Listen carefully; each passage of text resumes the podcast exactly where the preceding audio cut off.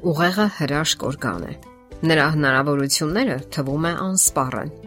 Նախքան թեմայի հիմնական մասին անցնելը ներկայացնենք, թե ինչպես կարելի է մարզել ուղեղը եւ բարձրացնել ուղեղի հնարավորությունները։ Շախմատի աշխարհի 4-րդ չեմպիոն Ալեքսանդր Այլոխինը պարզապես աներևակայելի հզոր հիշողություն ուներ։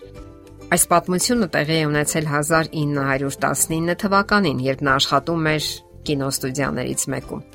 Նախասրահ է մտնում մի տղամարդ եւ խնդրում կանչել որևէ մեկին ուսումնական մասից։ Լսում եմ ձեզ քաղաքացի Պոլուեկտով, արձագանքում է Այլյոխինը։ Դուք ինձ ճանաչում եք, զարմանում է այցելուն։ 4 ամիս առաջ ժպտալով պատասխանեց Այլյոխինը։ Ֆերեյնի դեղատանը դուք դեղամիջոց պատվիրեցիք ձեր 6-ամյա դստեր Աննայի համար, որի կոկորտը ցավում էր։ Ես կանգնած էի հերթում եւ պատահաբար լսեցի ձեր զրույցը դեղագործի հետ։ Պոլուեկտովը պարզապես կորցրեց խոսելու ընդունակությունը։ Դուք այդ ժամանակ եղջերենու շրջանակով պենսե եք կրում շարունակեց այլոխինը։ Ձախ կողքային գրպանից հանեցիք կոկորդիլոսի կաշվից գորշ դրամապանակը եւ այնտեղից հանեցիք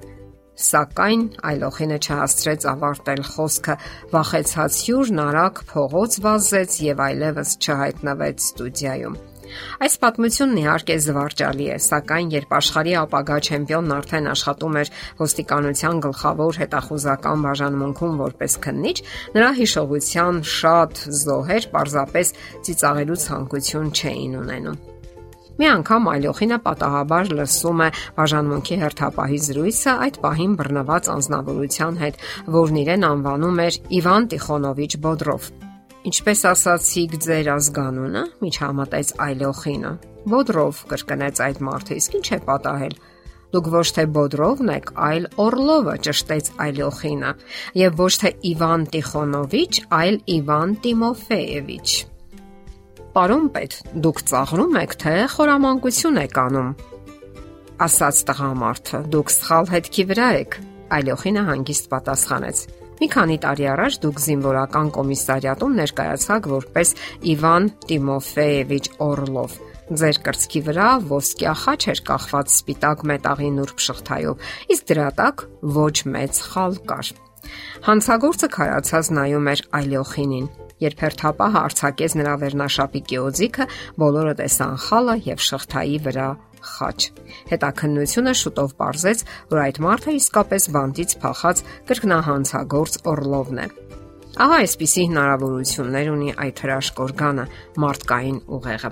Մենք այսօր զարմացած հետևում ենք գիտության հրաշքներին, այդ թվում համակարգչային տեխնոլոգիաներին։ Մենք ապշում ենք նրա հնարավորություններով, սակայն միաժամանակ չենք նկատում, թե ինչպիսի համակարգչային տեխնոլոգիա է գտնվում մեր ներսում, որն է ուղեղը։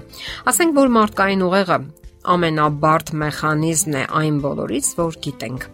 Ինչպես համակարգիչների մեծ մասը, ուղեղը եւս աշխատում է սնվելով էլեկտրականությամբ, սակայն դրա համար կարիք չկա այն հոսանքի աղբյուրից միացնելու, որովհետև նա ինքը հոսանք է արտադրում։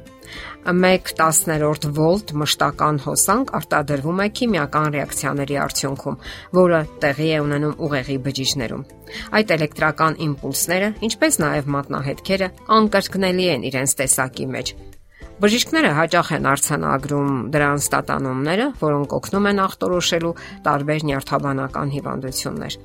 Ուղեղը օրգանիզմը կառավարելու կենտրոնն է։ Առանձին նյարդային բջիջներ ընդունակ են ընդունելու ազդանշաններ վարկյանի հազարերորդական մասում։ Դա հատկապես կարևոր է այն դեպքերում, երբ ասենք հպվում ենք շիկացած թավային։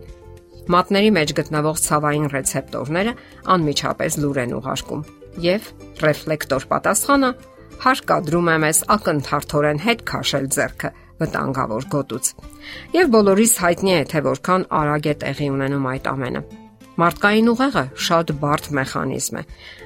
Նա ամեն պահի ազդանշանների մի ողջ հեղեղ է ստանում անընդհատ իմպուլսներ են գալիս ջերմությունը, սառնությունը, ցավն ընդունող ռեցեպտորներից, շոշափելիքի, հավասարակշռության, տեսողության, լսողության, հոտառության ռեցեպտորներից։